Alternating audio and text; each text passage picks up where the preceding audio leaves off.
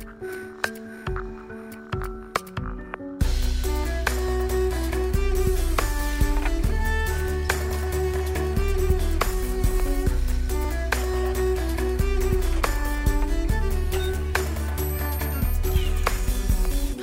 og velkommen til deg som hører på, til en ny episode av Nerve med meg, Tone Sabro.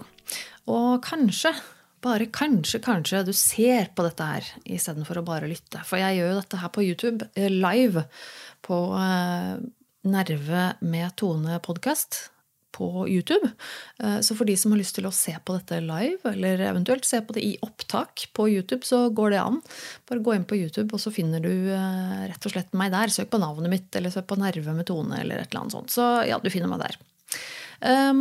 Um, velkommen, velkommen. Eh, jeg skal Vent, da. Før jeg begynner med noe som helst, så skal jeg Det er alltid litt sånn nervepirrende med dette opplegget her om alt. Alt går, og alt stemmer, og det ser sånn ut eh, på at eh, systemet her, at den tar opp både her og der. Eh, og nå skal jeg i tillegg ha notatene mine fremme. Eh, riktige notater også er en fordel der, tenker jeg. Ja, eh, da var det onsdag igjen, folkens. Eh, jeg er litt stressa i dag, jeg merker jeg, for jeg har, det, det, ble så mye plutselig. Jeg, men ok. Før jeg begynner på dagens episode, så skal jeg gjøre noe jeg har gleda meg til. Jeg er jo, som mange av dere kanskje vet, så er jeg fan av Coca-Cola. Jeg drikker mye cola. Ikke ikke noe sånn Pepsi Max-piss. Det er altfor søtt. Det orker jeg ikke. Cola Zero eh, er det det går i. Og jeg liker veldig godt å prøve nye bruser som kommer ut. De som er uten sukker, vel å merke. Eh, digger å teste alle mulige sånne der Monster og Burn og Red Bull og alle mulige sånne der type drikker som det syns jeg er gøy å prøve. Og cola har jo en sånn limited edition Eh, serie. Sånne små bokser som de har pumpa ut uh, av noen stykker av hittil. Og nå så jeg plutselig da jeg var på vei hjem i stad, at nå var det et, eh, holdt jeg på å si, et nytt fjes i hylla. Rett og slett en ny boks. Uh, som heter ja, uh, Movement Limited Edition Flavor by the artist Rosalia something. Den er i hvert fall rosa og svart Eh, for de som ser på YouTube nå, så kan de se hvordan boksen ser ut. Jeg har ikke sett den før. Jeg tror den er ganske ny. Jeg har heller ikke smakt på den. Aner ikke hva den smaker. Det står jo heller ikke på hva den smaker. Ehm, men ehm, den lukter, eh, lukter ganske likt de andre i den samme serien, vil jeg påstå. Men jeg skal smake. Oi. Um, ja, den Oi. Mm. Ja, den smaker, den smaker, Cola Zero, men det er noe mer også. Den smaker um, litt sånn blomstrete. Hva er det litt sånn søte Nesten litt sånn floral, um, parfymert. Jeg klarer ikke helt å sette fingeren på hva den smaken er, men uh, den uh, Ja, den, uh, den duger. Jeg tror jeg skal klare å få drukket den opp. Den forrige de hadde, smakte litt sånn bananaktig. Den syns jeg var veldig ekkel. Den klarte jeg ikke å drikke. Men, men ja. Eh, ok. Nå har vi tatt oss en slurk med cola, og vi er live og er i gang. Nå tenker jeg vi kan begynne. Jeg skal uh, lage en uh, litt annerledes uh, episode av Nerve i dag. Det skal jo handle om tatovering. Det har du sikkert skjønt ut fra tittelen på denne episoden. Eh, og jeg pleier jo som regel ikke å snakke så veldig mye om det. Det pleier jo som regel å gå i litt mer sånn eh, innvendige temaer. holdt jeg på å si. Psykisk helse og litt sånne ting, kanskje. Eh, nå er jo riktignok tatovering en, en, ting som er viktig for min psykiske helse på mange måter. Men det er også en ting jeg har litt peiling på. Jeg har jo engasjert meg og vært veldig opptatt av tatovering eh, siden veldig ung alder. Og har jo en del tatoveringer eh, nå. Så jeg tenkte jeg skulle rett og slett gå gjennom litt ting som de fleste burde vite. Fordi at tatovering er litt så innmari populært. Det er jo øh, holdt opp å si, Nesten alle har en eller annen tatovering. Um, og det er fint det at det er blitt populært og det er blitt ganske vanlig, sånn at man ikke blir så stigmatisert lenger nå. Sånn som man ble før i tiden hvis man hadde tatoveringer. Uh, man blir ikke sett like rart på sånn lenger nå. Uh, I like stor grad, vel å merke. Uh, men, men, likevel så, så, kan jo jeg fort irritere meg over liksom at hvem som helst skal bare gå og ta en tatovering. Det er for så vidt greit nok, men, men, at man ikke gjør noe research eller ikke skjønner noen ting om hvordan det foregår. Og, ikke, ikke, altså, eh, og da blir jeg litt sånn Nå, ta deg sammen. nå, eh, gå og samle litt tips. Eh, og i dag tenkte jeg å være den gode kilden for, for de tipsene, rett og slett. Akkurat før jeg kommer så langt, så skal jeg oppsummere lite grann kort jeg har vært i Vennesla. Eh, og forrige episode snakket jeg jo litt om det, med at jeg skulle reise til Vennesla og skulle ta toget tilbake igjen til Oslo alene med Kaila, og litt, gruet meg litt til det. Fordi vanligvis er ikke tog noe problem for meg. Jeg har faktisk tatt tog ganske mye i livet mitt, eh, og uten noe problem. Jeg ble veldig mye reisesyk, eh, bilsyk, da jeg var liten. Jeg måtte sitte bak i bilen og vi kjørte med familien. Det syntes jeg var helt forferdelig. Får jeg sitte foran i bilen, eller når jeg kjører selv, så går det helt fint. Eh, buss derimot har jeg nok eh, blitt mye dårlig på, for det er litt sånn der eh, humpete humpe heisan opp og ned rundt omkring-opplegg. Det syns jeg ofte er litt ekkelt. I hvert fall hvis jeg sitter blankt bak i bussen. Men så er det denne denne Sørlandsbanen, eller Sørtoget, eller hva nå enn de kaller dette toget som går ned på, til Sørlandet, da, det eh, er et helt for jævlig krengete, humpete tog. Så jeg har faktisk blitt dårlig på det toget der. Um, I tillegg til at setene er kjempeharde, og jeg har fått litt sånn klaustrofobi og litt sånn. Uh, så jeg gruer meg litt. Jeg må bare si at det gikk overraskende bra. Forrige gang jeg tok toget, så gikk det ganske greit. Jeg hadde litt vondt i hodet og følte meg ikke helt i liksom, toppform, men det gikk helt, helt greit. Eh, denne gangen må jeg si at det faktisk gikk ganske bra. Um, kan vel egentlig ikke Det var egentlig ingenting å klage på på denne turen her, utenom de veldig harde setene som gjør at jeg jo får ganske vondt i rumpa og litt sånn stiv i ryggen og sånn etter hvert. Men eh, sånn er det nå bare. Og da tenker jeg at det er ganske digg å kjenne på. At jeg kan ta det toget eh, til eller fra Vennesla eh, uten at det er noe stort problem får vi da i hvert fall håpe at kanskje det heretter ikke blir. Og det er veldig deilig. Det er faktisk en lettelse. Um, det var jo vinterferie, så jeg og min samboer har vært i Vennesla og, og hatt hans datter eh, sammen med oss. Det har vært veldig koselig. Vi har vært litt i Kristiansand by og spist litt. Vi har hengt litt hjemme. Jeg har fått dilla på puslespill og kjøpt meg noe puslespill både der og her. Og tatt med meg hjem hit og alt mulig. Um, og ikke minst også så var jeg en, um, en time hos uh, Hadde jeg en time hos psykologen min. Jeg går jo fortsatt uh, hos psykolog i Vennesla, i det offentlige. Uh, jeg er jo fortsatt folkeregistrert boende på Sørlandet. Eh, så derfor så kan jeg fortsette det tilbudet jeg har der i det offentlige. Og det er eh, Jeg merker jo det at eh, nå går jeg dit Siden jeg flytta til Oslo, så har jeg vært der én gang i måneden. For da er det liksom Når jeg drar til Vennesla, som er da ca. en gang i måneden, så, så booker jeg en time hos han også mens jeg er der. Um, og jeg er veldig glad for det. At jeg kan gå og snakke med han jeg skulle ønske at jeg kunne snakke med han litt oftere. Jeg syns det er utrolig synd at ikke han bare kan flytte med meg til Oslo. Eh, som jeg har spøkt med han om flere ganger, at jeg venter jo på at han bare skal starte praksis i Oslo. Det hadde jo vært perfekt for meg. Eh, men for, for, han er eh, den, den, beste behandleren jeg har hatt uh, til nå.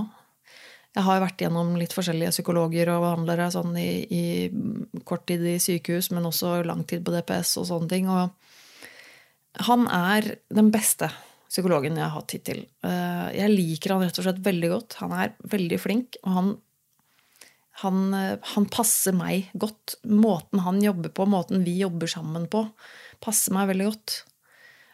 Og det irriterer jo meg da grenseløst. Det er skikkelig frustrerende at han, som jeg liker så godt, han holder til i Vennesla.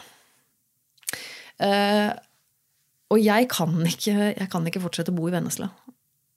Jeg, så det er, og jeg sliter jo fortsatt med dette kjempeprosjektet med å skaffe en avtalespesialist, for det er en heltidsjobb hvis du skal ta det fort, vi skal få gjort det eh, fort unna.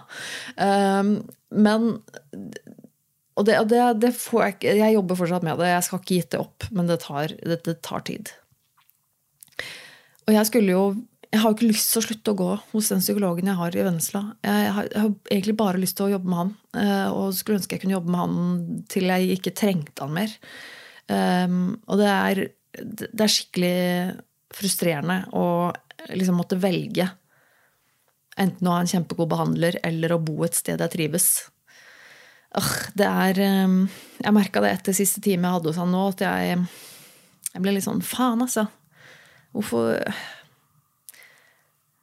Why? Kan ikke du bare flytte til Oslo? Altså, altså Nei, og jeg skjønner jo det, det går jo ikke, det er ikke sånn det er. Det det, men det er frustrerende. For jeg, det er ikke så lett å finne en psykolog eller en, en, behandler som du virkelig liker, og som du trives godt med. Jeg har jo hatt litt sånn 50-50 eh, sjanser på liker eller ikke liker i det hele tatt. Og en avtalespesialist, som jeg forhåpentligvis får etter hvert, aner jeg jo ikke hvordan det kommer til å bli. Eh, så ja. Det, det kjenner jeg litt på. Men, men. Sånn er nå livet. Jeg har eh, tatt en del eh, blekk i det siste. Vi skal over til tatoveringene. Vi må nesten bare sette i gang, for ellers så kommer jeg til å sitte og prate her til stemmen min er borte. Um, jeg har tatovert meg en del i det siste. Eh, det har vært et lite sånn opphold mens jeg bodde i Vennesla. Så fikk jeg liksom ikke gjort det noe særlig. Eh, det ble litt upraktisk å, å farte til Oslo for å ta tatovering. Jeg gjorde det vel et par ganger. Eh, men jeg tenkte jo at liksom, ja, skal jeg tatovere meg, så kan jeg jo gjøre det i, i, i Kristiansand, som jo ligger rett i nærheten. Og så må jeg ærlig innrømme at jeg syns egentlig ikke det var noen av de tatoveringssjappene jeg fant i Kristiansand, som var bra nok for meg. Eh, jeg er veldig kresen, eh, som man burde være, syns jeg, når det kommer til tatovering. Eh, og jeg fant egentlig ikke noe Jeg sjekka ut litt bilder som de For det fins vel tre-fire kanskje tatoveringsstudioer i Kristiansand. Og jeg sjekket ut bildene til de artistene som jobber der, og jeg var litt sånn Nei, det her jeg er ingen av disse som liksom passer for meg. Og det var litt nedtur. Eh, så da ble det rett og slett ikke noe særlig blekk på en god stund. Eh, men nå er jeg jo tilbake i Oslo. Og jeg er jo ikke ferdig, for å si det sånn. Så da har jeg rett og slett tatt eh, et par sånne sessions i det siste. Og fått litt mer blekk på kroppen, på magen og på, på beinet. Og ikke minst eh, var jeg faktisk og tatoverte meg senest i dag. Jeg hadde en tidlig, kort session på Element uh, Tattoo Studio her i Oslo. Det er der jeg pleier å gå mest. Jeg har jo venner som jobber der. Jeg har jo jobbet der en liten periode selv. Um, og de er griseflinke, de uh, som jobber der. Så det er ingen grunn for at jeg ikke skal gå dit. Uh, jeg var der i dag og, og fylte på litt, grann, litt grann mer på den, det beinet jeg jobber med hos han som heter Rein. Um, og eh, vi lagde rett og slett en, eh, en japansk eh, oni, en demon, på, på kneet mitt. Så jeg kjenner at kneet mitt er ganske varmt nå. Det er godt pakket inn i plastikk, og jeg har bukse på meg. Men jeg kjenner liksom gjennom buksa at kneet er ganske mye varmere enn resten av beinet. Men, men ja, sånn er det. Det, det, gikk veldig fint i dag. En kort session, det var bare et par timer. Det var veldig lettende, egentlig. At det var liksom, omtrent den korteste session jeg har hatt noen gang. Det var sånn wow, jøss, er vi ferdige allerede? Det var helt uvant. Um, og så etter jeg er ferdig der, så gikk jeg uh, innom uh, Claes Olsson. Kjøpte meg en lampe, av alle ting. Men nå har jeg fått opp en Jeg tror det er den siste, siste lyskilden jeg liksom trengte i leiligheten her. Da tror jeg, det er ganske, jeg tror jeg er ganske ferdig med ting. I leiligheten her nå. Nå har jeg fått meg et lite spisebord med et par stoler, eh, som er veldig fint. Nå har jeg fått hengt opp da en liten lampe over det spisebordet, sånn at jeg kan sitte ved et bord og på en måte jobbe med ting. Enten om det er eh, maling eller om det er puslespill. Eh, kanskje til og med kan spise mat ved dette bordet, hvis jeg har lyst. Um, så, og det kjenner jeg nå, nå, begynner bli, nå begynner jeg å bli ordentlig fornøyd med leiligheten her i Oslo. Um, så det, det, er veldig digg. Uh, men så var det jo dette med at jeg eh, skulle ordne det. Jeg skulle ha den timen. og så skal jeg lage podkast uh, i dag. Denne podkasten min som heter Nerve. Vet ikke om du har hørt om den. Og så og så har jeg jo video fra forrige uh, tatoveringstime som jeg heller ikke har fått redigert og lagt ut, og sånn, så jeg må jo føle meg litt stressa for, for, å få i gang det. Så plutselig så, så, var det litt mye. Men uh, jeg skal få gjort Jeg skal nok få gjort dette. Tatovering. igjen. Det var en digresjon til det der. Um, jeg har litt jeg, altså jeg, har, jeg, har, litt peiling på, på tatovering. Uh, jeg har Jeg er ikke noe tatovør selv. Men jeg har jobbet i studio. Uh, og jeg har uh, tatovert meg mye i, i, over mange år. Uh, tatovering er en lidenskap jeg har, som jeg har, har dyrket siden jeg var 18. Og har jo opparbeidet meg ganske mye kunnskap om det over de årene. Jeg har jo samlet en god del tatoveringer. Og jeg har jo venner som jobber i industrien. Jeg kjenner jo den industrien ganske godt. Så jeg vil jo påstå at at det er, det er, mye jeg vet eh, om tatovering. Jeg er ganske god på det. Jeg kan mye om det. Um, jeg vil jo påstå at det eneste området innenfor tatovering jeg ikke liksom kan noen ting om, det blir i så fall de sånne veldig tekniske detaljer om selve maskinen. Og eh, Ja, for, for, der er det ikke alt jeg kan, for å si det sånn. Men utenom det så, så, så tenker jeg at eh, er det noen du skal ta tips fra når det gjelder tatovering, så kanskje det er meg. Jeg gir mye tips jeg gjerne når det kommer til tatovering, fordi at jeg syns at det er litt eh, viktig og litt sånne ting man skal være litt nøye på. Så jeg tenkte jeg skal eh, ta utgangspunkt i um, Jeg lagde nemlig en, eh, en, kort, en kort videoserie på YouTube-kanalen min, Tone Sabro, uh, som heter Tattoos 101. Um, og der, det er bare Jeg er litt usikker på hvor mange videoer det var. Faktisk er det åtte videoer. Sånt, eh, som er veldig korte, som er et par, to eller tre minutter lange. Hvor jeg bare tar for meg ganske kort eh, et, et, et relevant tema liksom, i hver eh, episode. Og snakker litt om og gi litt tips. Så jeg tenkte rett og slett jeg skulle ta utgangspunkt i det. Og gjøre det på norsk, fordi min YouTube-kanal er på engelsk. Eh, og jeg har heller ikke snakket så mye om uh, tatovering i denne podkasten her før. Jeg vet jo at det er noen der ute som syns det er litt interessant.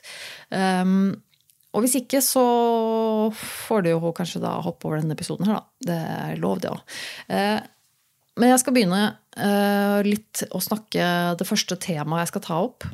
Uh, og forresten, uh, jeg skal selvfølgelig linke til den uh, YouTube-spillelista i shownotes i denne podkasten hvis du er interessert i å gå inn på YouTube-kanalen min og se. Jeg har jo også andre andre videoer om tatovering på kanalen min.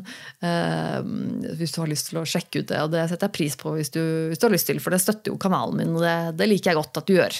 Så første er hygiene og prep.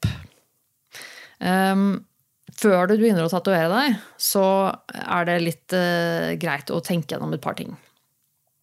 Det er uh, greit å f.eks. ta en dusj. Det burde være ganske enkelt. Ta en dusj. Uh, ha god hygiene generelt er, er, er, fint når du skal ta deg en tatovering. det samme gjelder når du kommer på studio. ikke ta på eller gå borti andre tatoveringsstasjoner ehm, eller plasser enn der du skal være.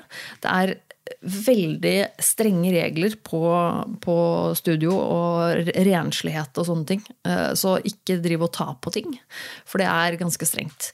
Eh, det samme gjelder også stensilen, eh, eller området der hvor du skal tatoveres.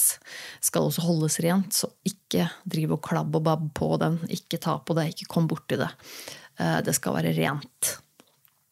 Um, Eh, det får du sikkert også høre. At, eh, og den, kanskje, den, kan være interessant å pille på, den stensilen, for den er litt fascinerende. For det blir sånn som blåpapir. Altså sånn, blir det sånn lilla. Sånn, uh. Men ikke, nei, ikke ta på det. Eh, det kan være en god idé å smøre inn huden med litt fuktighetskrem på forhånd. De dagene før du skal tatoveres. Det er ikke noe must. De fleste av oss har ikke noe sånn ekstremt eh, liksom, rar, vanskelig hud. Eh, det kan være, kan være kjekt.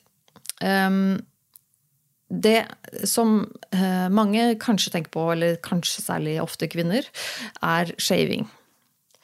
Fordi eh, vi har jo litt kroppshår, og spesielt eh, kanskje hos det kvinnelige kjønn så er det ofte litt sånn eh, Nei, vet du, det blir feil å si. For jeg tror det er like mye Eh, Kall det mannfolk som, som eh, fjerner hår på hele kroppen, eh, for så vidt.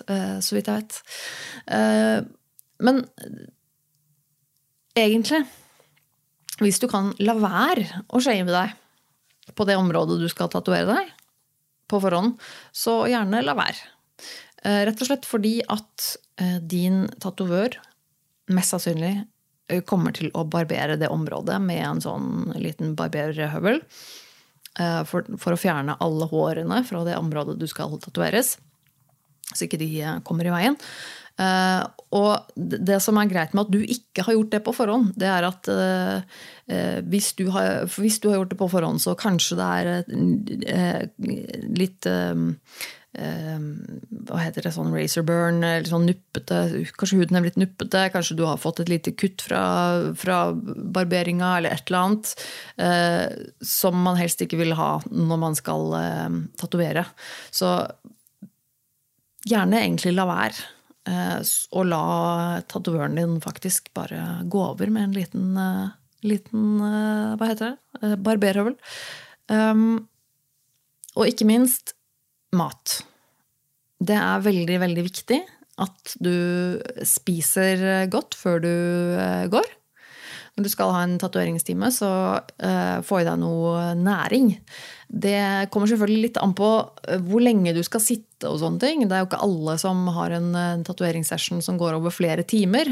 Men, um, men som regel så tar det litt lengre tid enn du tror. Så vær, eh, eh, sørg for at du har spist et godt måltid før du drar til timen din og drukket væske. Også at du har med deg lunsj. Uh, eller eventuelt at du kan uh, gå ut og kjøpe noe lunsj i en pause. det er jo det jeg pleier å gjøre selv. Jeg pleier som regel å være der lenge nok til at det blir en pause underveis, hvor jeg gjerne skal ha i meg litt mat. Og da Eh, er jeg jo i byen, så da kan jeg gå ut til et sted i nærheten og kjøpe meg noe, noe mat og spise litt lunsj og, og drikke litt drikke. Det er veldig viktig. Um, det er veldig lett å bli uh, svimmel eller dårlig eller takle, det, takle, smerten dårlig hvis du ikke har næring i kroppen. Det, åh, det fikk jeg merke veldig godt i Den perioden jeg var veldig, veldig, veldig tynn av min spiseforstyrrelse, eh, så hadde jeg eh, Det var vel andre, Jeg tror det var andre session jeg hadde på brystet mitt, det. Eh, I hvert fall de siste sessionene jeg gjorde på, på brysttatoveringen min, den som var over hele brystkassa. Da var jeg ganske tynn. Um, og jeg husker det var et par av de sessionene der som jeg sleit veldig med å komme meg gjennom. Uh, fordi at jeg nærmest nektet å spise mat. Jeg spiste jo nesten ingenting. Uh, om i det hele tatt noe. Det var jo faktisk dager hvor jeg ikke spiste noe som helst. Um, og da husker jeg at jeg ikke bare at, jeg, at, det gjør mer vondt, men også det at jeg eh, blir sånn fysisk dårlig. Eh, svimmel og eh, og rett og slett ikke takler det så bra. Eh, så jeg husker at det var på et tidspunkt under hvor vi tok en pause, hvor han, Christian het han som tatoverte meg da, fantastisk eh, herlig fyr, dessverre jobber han ikke i Norge lenger. Eh, han var litt sånn ok, går det bra, eller jeg tror du skal ja, vi skal ha litt lunsj og pause, nå skal du ha noe å spise. Og jeg vet selvfølgelig bare nei, nei, nei, jeg skal ikke ha noe å spise. Han bare jo, kan du ikke ta deg en Snickers? Så jeg bare ja, vel. Og jeg, skjønte, altså, jeg skjønte jo selv um, at hvis jeg skulle holde ut og, og eh, ligge der lenger, så, så, måtte jeg gi kroppen min noe næring. Så jeg sa ok, og så fikk jeg en Snickers. Og kjøpte en Snickers til meg, så jeg fikk proppa i meg en Snickers. Ja, og det, det hjalp. Um, men det er jo ikke helt uh, ideelt å holde på sånn, for å si det sånn. Så um, ikke gå og tatover deg hvis du ikke har spist på mange dager. Det, det går ikke greit. Um, plassering. Det kan jo være vanskelig å vite litt sånn hvor du skal ha en tatovering. Um, det kan være ganske viktig å få den plassert eh, på et fint Eh, sted på kroppen. De fleste vet vel sånn cirka kanskje hvor på kroppen du ønsker å ha en, eh, ha en tatovering plassert. Men um, hvis du går hos en, en god eh, tatover, så vil de alltid eh, ta hensyn til din anatomi når de plasserer en, uh, en tatovering. Eh, Nå snakker vi spesielt kanskje om litt større pieces. Eh, så, så, skal den ikke plasseres bare hvor som helst. Den skal jo selvfølgelig da um, De skal sørge for at den er på et flatterende sted på kroppen din, og at den gjerne følger uh, At flowen liksom, i designet også følger litt anatomien i kroppen din. Altså, har du en, en um, Eh, skal du ha en stor piece som går nedover armen, så skal den gjerne på en måte designes sånn at den, den flyter naturlig med din egen anatomi på, i armen, da, også musklene og hvordan armen din ser ut. Um, det er litt viktig for at det skal se best mulig ut. Dette er ting som en tatovør skal vite og skal gjøre. Eh, så det, det, kan godt hende at du kanskje du tenker at okay, jeg skal ha tatovøren og skal ha en tatovering på låret. Så ser du for deg kanskje at den er midt der på låret, liksom. Og så kan det hende at du f.eks. hører at tatovøren er ja, men du, vi skal ikke ta oss og flytte den kanskje litt lenger der. Jeg lurer på om den kanskje vil se litt bedre ut Eh, litt bedre ut her, for da liksom med muskelen med, med sånn, og så ser det sant, litt mer flow. Et eller annet. Det kan hende. Eh, så det kan jo være lurt å ha i bakhodet. At kanskje, kanskje du kan få noen gode tips eh, på det. Eventuelt være litt åpen og bare si at jeg vil ha den et eller annet sted på beinet, men er åpen for, for, for forslag. Det du også bør tenke på, er om det er viktig for deg at du skal eh, Om du, om du skal kunne eh, gjemme tatoveringen. Um, det er jo noen av oss som, uh, som syns at det er viktig å kunne dekke den til. Uh, enten om man har på en måte da viss antrekk, dress, uh, en eller annen kjole, um, korterma, langerma, bukser, altså et eller annet sånt noe. Man kanskje tenker gjennom at det er visse, visse um, visse eh, oh, herlighet, står det helt stille. Visse situasjoner hvor, eh, hvor, en kanskje trenger at den ikke syns, så kan det være lurt å, å ha i bakhodet. Hvis dette er, hvis det er den første tatoveringen din, den første, eller kanskje den andre, ikke eh, ikke, ikke, ikke, gå og ta en tatovering eh, på, på, liksom på, halsen, i ansiktet, på, liksom øverst på brystet, på hendene. Um, ikke gjør det. Bare ikke, bare ikke, ikke gjør det. For, altså, det er veldig mange steder uh, som Altså tatovører og, og, studioer som, som prinsipielt ikke kommer til å gjøre det og si ja til det. Hvis du har utatovert, og den første tatoveringen du vil ha, er en stor pis på halsen eller eh, en stor pis på hånda. Eller hvis du vil ha en ansiktstatovering når du i utgangspunktet ikke har mye andre tatoveringer, så er det eh, mange som eh, vil fraråde det. Og det er eh, rett og slett fordi at du eh, det å ha eh, du, du, du, bør egentlig kjent på litt eh, hvordan det er å leve i samfunnet vårt som en veldig tatovert person. Før du begynner å tatovere de stedene som du så godt som aldri kan skjule for noen. Um, med en gang du begynner å tatovere uh, hender, hals, ansikt, sånne type steder som det, så er det eh, tatoveringer som vil være synlige i nesten alle situasjoner. Det er også, eh, det er også litt for spesielt interesserte. Eh, og det er noe med at det, det, å være Selv om det er vanlig å ha tatoveringer nå, og i hvert fall i Norge er det vanlig, så kan det å ha tatoveringer på sånn type steder um, det kan være litt, litt stigmatisert. Du kan bli sett litt rart på, eller du kan bli Eh, fordoms, eh, for, fordømt, holdt jeg på å si, fra, i, i, mange typer samfunn. Eh, nå er det riktignok mye her i Norge som, som, ikke vil være noe stort problem. Annet enn at du kanskje vil få noen blikk, eller at folk blir litt redd for deg, eller at folk tror du er kriminell, eller sånne ting. Det kan jo være ille nok, det, for så vidt. Men for eksempel Eh, andre land kan det være ulovlig med synlige tatoveringer, eller det kan være steder som f.eks. I, i, eh, i Japan så kommer du ikke unn på offentlige bad hvis du har tatoveringer. Eh, og sånne type ting er jo greit å ha i bakhodet. Um, uansett. Men også Selv om du syns tatovering på hånda eller halsen sånn, i ansiktet er kult, så ikke begynn der. Bare ikke gjør det. Det kan også være lurt å tenke over eh, fremtidens tatoveringer, holdt jeg på å si, hvis du skal ta flere tatoveringer i framtiden i forhold til hvor du putter tatoveringen din nå. Eh, så hvis du, har, hvis du vet at du kanskje kan ha lyst på et sliv, altså en hel arm, eh, en gang, så burde du kanskje tenke litt på det når du begynner å tatovere armen. Er dette her noe jeg vil bygge på i fremtiden? Er dette en tatovering som er enkel å bygge på?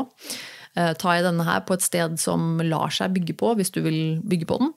Eh, ja, litt sånne ting eh, kan være lurt å ha i bakhodet. et annet lite tips som jeg gjerne også gir angående små tatoveringer.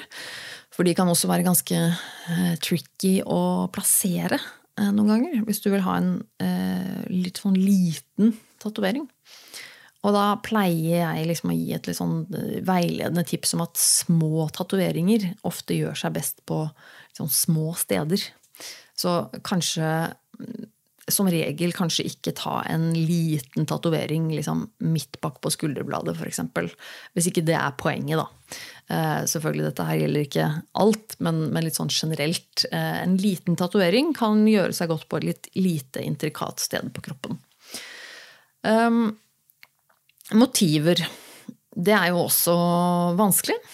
Og her eh, har du mye å ta av, for å si det sånn. Men eh, gå for noe som er din stil og din smak. Eh, såpass enkelt, egentlig. Eh, gjør noe som, som, du liker personlig, som er noe for, for deg. Det trenger ikke å være noe dypere mening. Det er ikke sånn at alle tatoveringer må ha en mening bak eller en symbolikk eller et eller annet sånt noe. Det er bare tull. Eh, selvfølgelig kan du gjerne gjøre det. Det er noen av mine tatoveringer som, som, har en eller annen tanke bak, en eller annen mening, en eller annen eh, inspirasjon. Men eh, jeg kan ikke påstå det for alle tatoveringene mine. Det er helt lov å ta en tatovering bare fordi du syns det er fint. Um, men det jeg vil si litt eh, utenom det, er eh, prøv å unngå trender. Fordi i alle, som i alle ting så er det også trender innenfor tatovering. Og det er noe jeg eh, gjerne ber folk om å holde seg litt unna. For det er veldig lett å havne på en sånn bølge med en eller annen trend, som du ser, en eller annen type tatovering som du ser på TikTok og Insta overalt, liksom, som er så kult at folk har. Um, og så slenger man seg på den. Og så er det ikke så lenge det er liksom veldig kult. Du ser liksom på de, de trendene som har vært at den tribal-trenden på 2000-tallet eh, det er ikke så veldig kult å gå med en sånn svær tribal-tatovering nå. Eller sånn kinesiske tegn og sånn.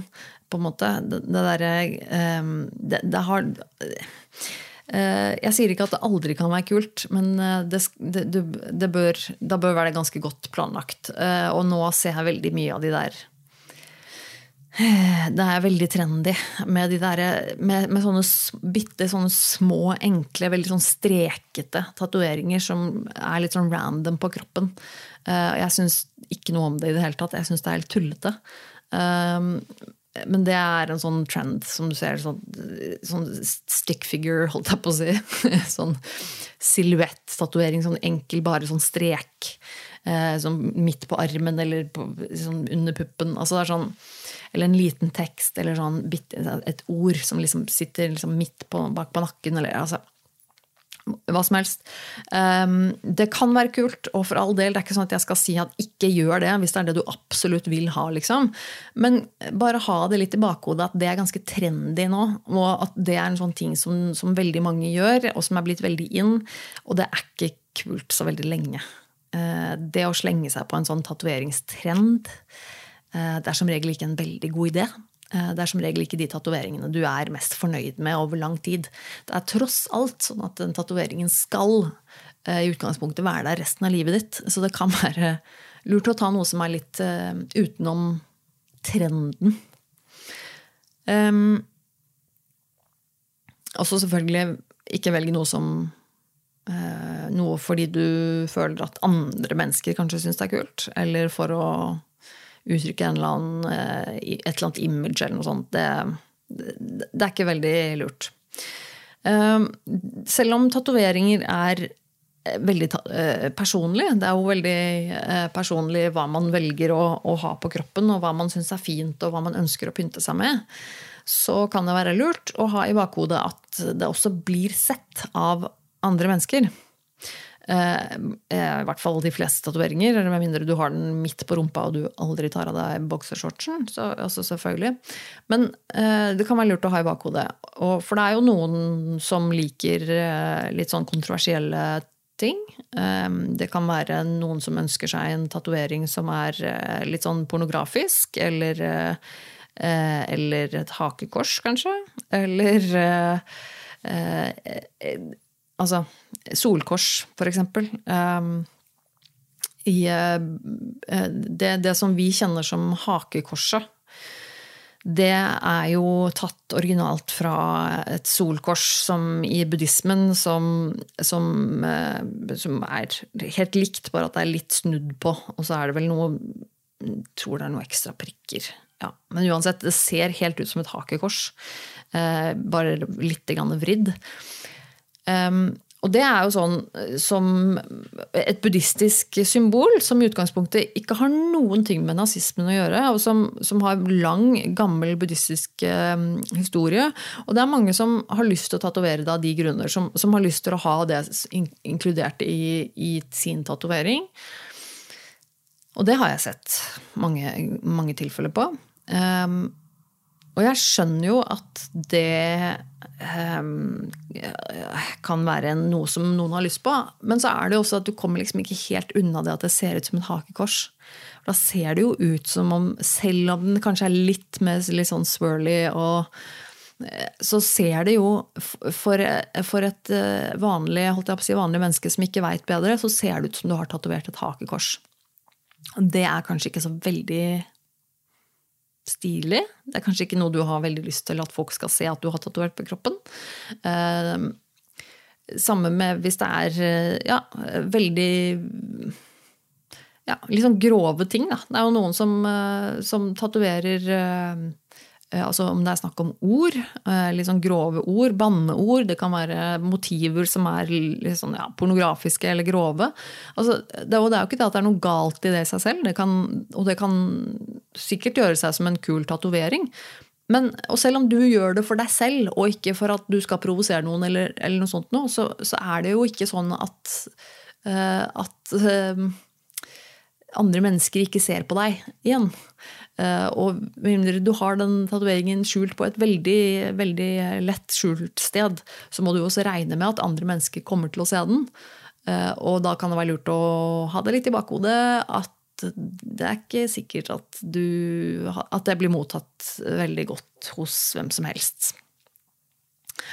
Um, også med, med, tanke på sånn framtiden og litt sånn ja, litt, ja. Uh, det, det, er eh, også ofte sånn at hvis du har valgt en god tatovør, som er en god kunstner, så har de um, uh, ofte peiling på hva de driver med. Så du kan jo gjerne stole på tatovøren din og når du ber om å få et design. Dere har snakket om eh, noe du ønsker deg, og du får det custom made, som alltid er det beste. Så, eh, så kommer gjerne, gjerne en tilbakemelding og sier at eh, Det som er litt klassisk, da, er at en, en person sier at ok, jeg skal ha en tatovering. Ehm, jeg vil ha en, en tatovering på, på, armen min, og så vil jeg ha den eh, så vil jeg ha inkludert Jeg vil ha en rose, så vil jeg ha et, et kompass, og så vil jeg ha et havet og noen fugler, og så vil jeg ha eh, helst ha sånn smykker og sånn kjede. Sånn, gjerne kanskje to forskjellige blomster. Og, altså, ja. Så de kommer med øh, 100 ideer som skal inn i ett lite bilde. Og det går ikke. Uh, så da kan det nok hende at du blir litt skuffa når en da tatovør sier til deg at um, det kan jeg ikke gjøre. Det går faktisk ikke an å putte inn eh, så mange ting inn i én. Det blir ikke fint. Det blir rotete. Og det, det, det lar seg ikke gjøre. Uh, så ville jeg stolt på det den tatovøren sier.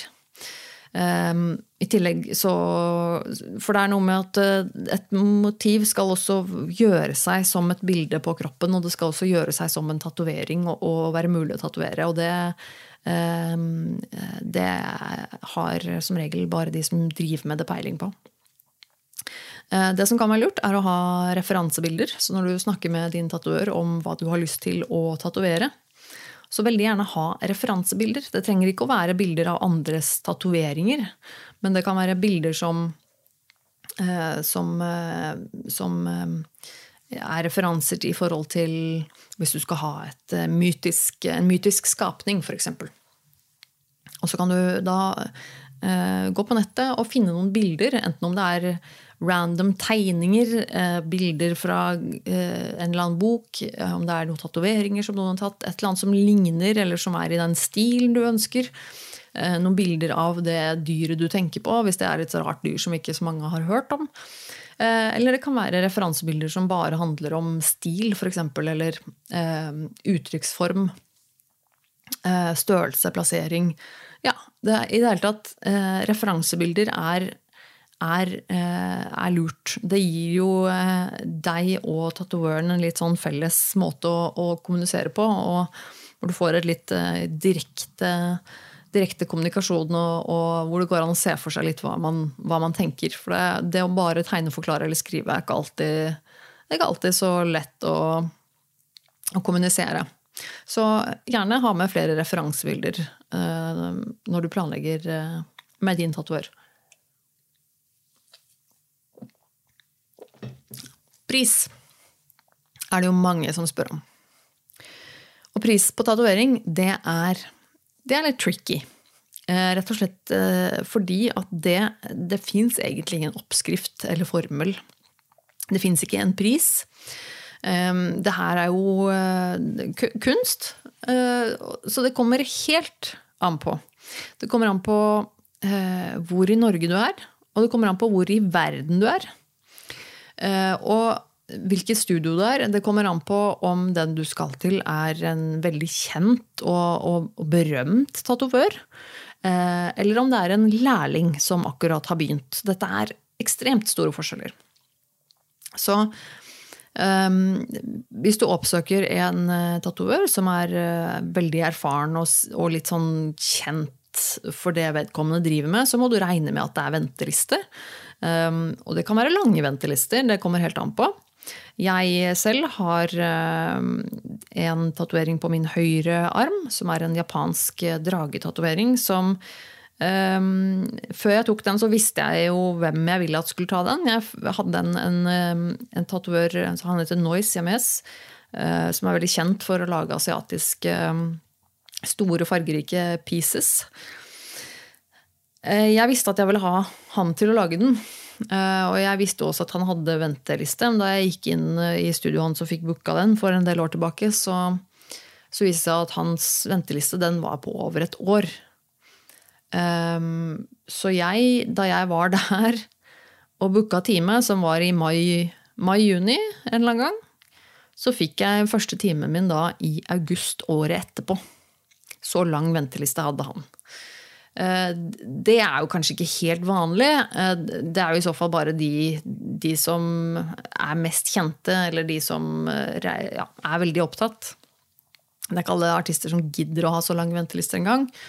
Men du må nok belage, deg på å vente noen uker eller noen måneder. Det kan hende. Det skjer jo også med Og, og hvis du samme, samme, omvendt, hvis du går til en lærling eller en som, eh, en som ikke vanligvis jobber i Norge, kanskje det er en gjesteartist som er på et studio her, som vanligvis jobber i et annet land, så har de ofte kortere ventetider, fordi at de har ikke en fast kundegruppe kanskje i Norge som, som de har på, på vent. Uh, så, så, da kan du gjerne ofte få, få kjappere time. Men igjen, eh, da kommer det jo litt an på hva du skal ha, og, eh, og hvor lurt det er å gå til en lærling. En lærling kan være perfekt hvis du skal ha noe lite og litt, eh, noe som ikke er så komplisert. Og så kan det være kjempebra. Um, hvis du skal Skal vi se Hvor var jeg på lista her nå? Ja. Det samme gjelder jo også prisene. Ikke sant? Så hvis du drar til han med venteliste på et år, så kan du også regne med at den er ganske høy, den prisen. Um, samme med også med, med samme omvendt også med, med lærlinger, f.eks. Der får du ofte en god pris. Uh, men det er jo også fordi at vedkommende er mindre erfaren og trenger å lære, og da er det også litt begrensa hva denne, denne lærlingen kan. Men uansett Er du i tvil Jeg ville alltid gått for kvalitet over pris. Jeg vil alltid heller spare litt lenger, vente litt lenger og få en skikkelig bra pris som du har veldig lyst på og blir veldig fornøyd med, enn å gå og ta til takke med en som du kan få litt kjappere og litt billigere, men som ikke blir like bra. Det er ikke verdt det, rett og slett. Um, hvis du er usikker på dette med pris, så går det an selvfølgelig å snakke med tatovøren din om, um, om det.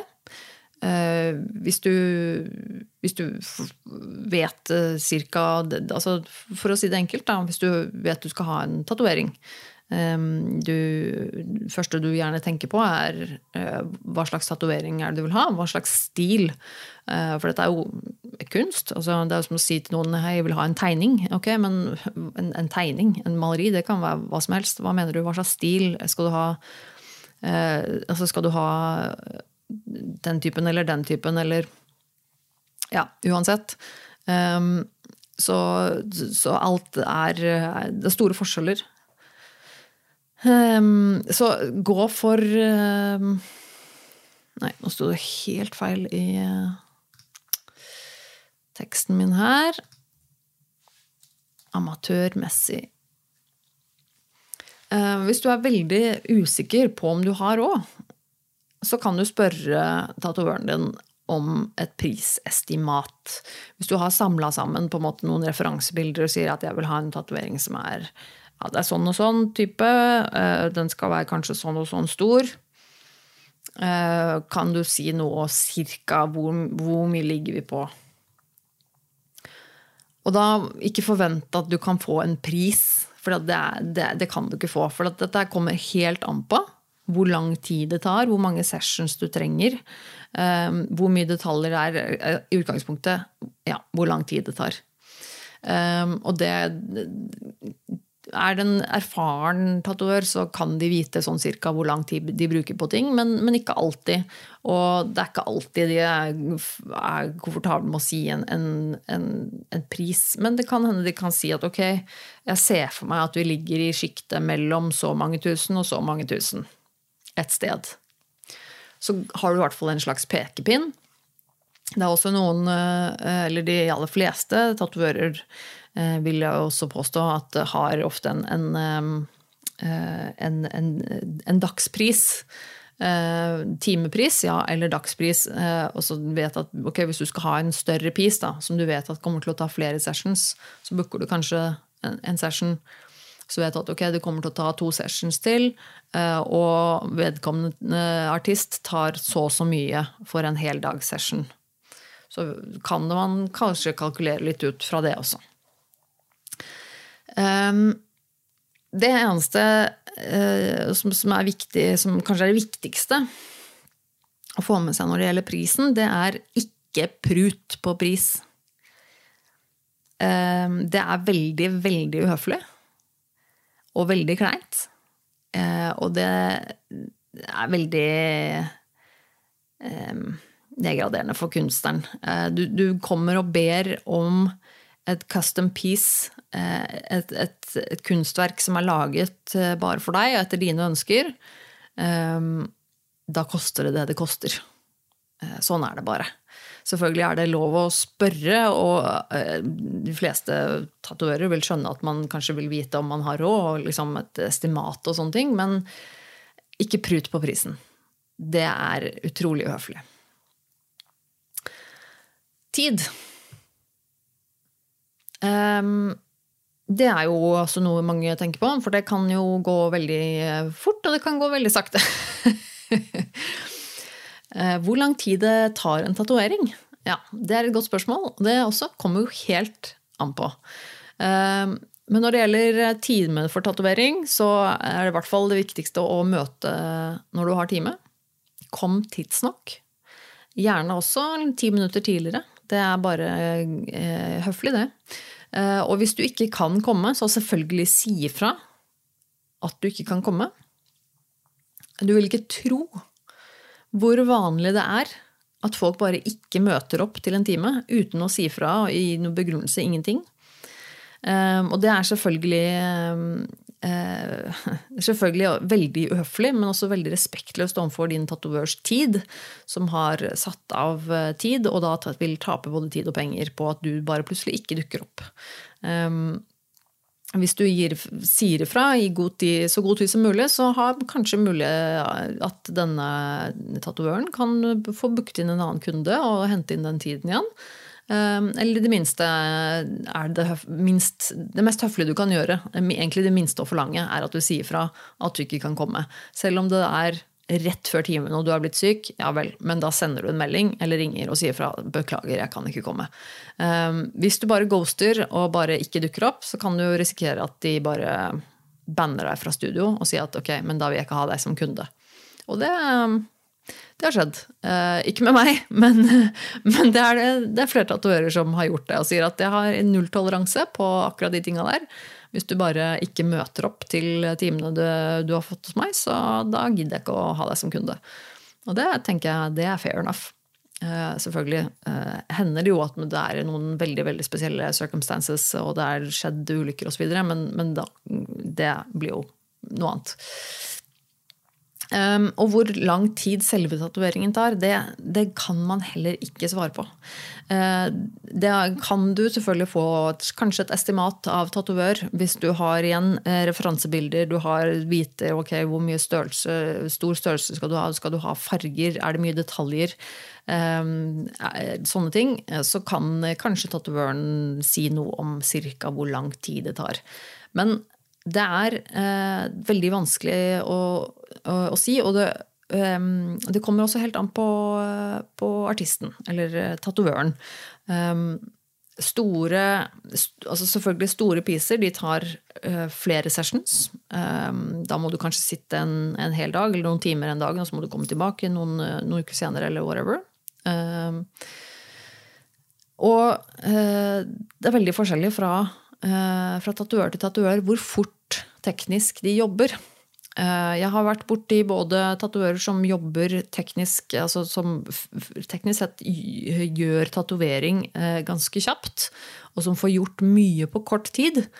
Eh, og jeg har også vært borti det motsatte, av tatoører som, som, jobber ganske sakte. Som da bruker lengre tid også på tatovering. Og det har ikke nødvendigvis noe å si med kvaliteten. For jeg har hatt veldig gode tatoverer som både er veldig treige, men også som er veldig kjappe. Så det er rett og slett litt sånn eh, forskjell på folk. Eh, forskjell på kunstnere, eh, rett og slett.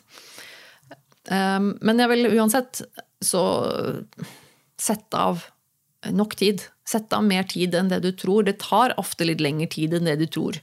Um, i hvert fall hvis det er en første, første sitting hvor man skal legge og planlegge alt sammen. For da er det Man skal måle opp, man skal eh, kle av og holde foran og se, og så skal man eh, gjøre modifikasjoner kanskje til designet eller til størrelsen og sånne ting. Man skal lage stensil, man skal sette opp stensilen. Sette på stensilen, få den til å se riktig ut, og så skal, eh, så skal tatoøren eh, gjøre klart eh, stasjonen og, og med alt de trenger og utstyr og sånne ting. Og det kan fort ta litt tid. Så altså, er det min første session på en ny piece, så regner jeg med i hvert fall en time på, før vi kommer i gang med selve tatoveringa. Kan gå mer til også. Det kommer helt an på hvor, hvor stor, komplisert osv. Noen ganger så må de ta stensilen av og vaske av og ta den på igjen hvis den blir litt skeiv eller ikke. Det var enkelte steder som er vanskelig å plassere, som f.eks. den jeg gjorde i dag. Eh, Eh, plasserte en eh, midt på kneet. Eh, og midt på kneet er vanskelig. Du kan selv se for deg at du har en stensil, et, et papir, altså et blåpapir med et design, som er et papirark, som du da skal ja, plassere og brette pent og, og, og på et, et, kne som er jo veldig rundt. og en veldig annen form enn det dette flate papiret har. Og så skal du få linjene på riktig sted og ikke skeivt og ikke krøllete. Det er ikke så lett alltid, og det kan ta litt tid. Så vær litt, eh, litt tålmodig um, for akkurat, akkurat, den biten der. Unnskyld meg, må drikke litt.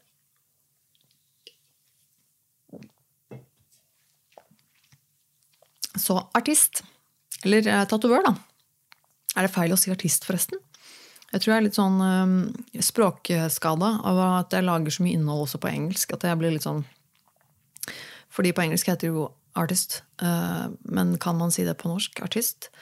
Eller sier man tato artist? Tatovør? Ja. Uansett. Uh, det er jo ganske viktig å velge riktig tatovør.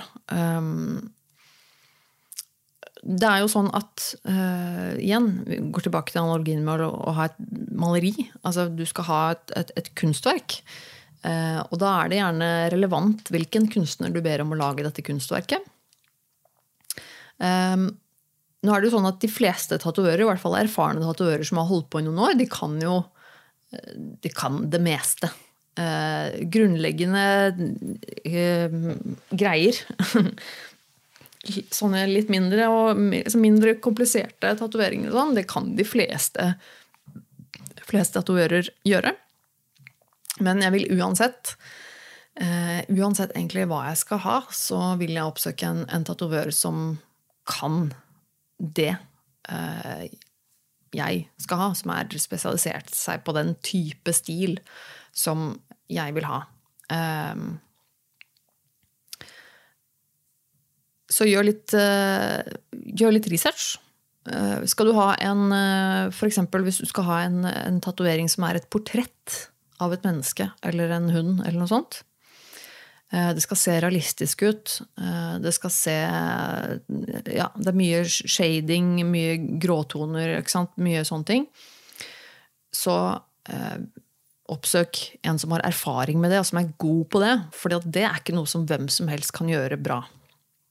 Du har jo alle mulige typer stiler. Du har den type realistiske. Du har jo mange tatoverer som, som, lager en mer old school type tatovering, som er mer Eh, ser litt mer ut som et sånn klistremerke med litt sånn tydelige, tjukke streker og klare farger.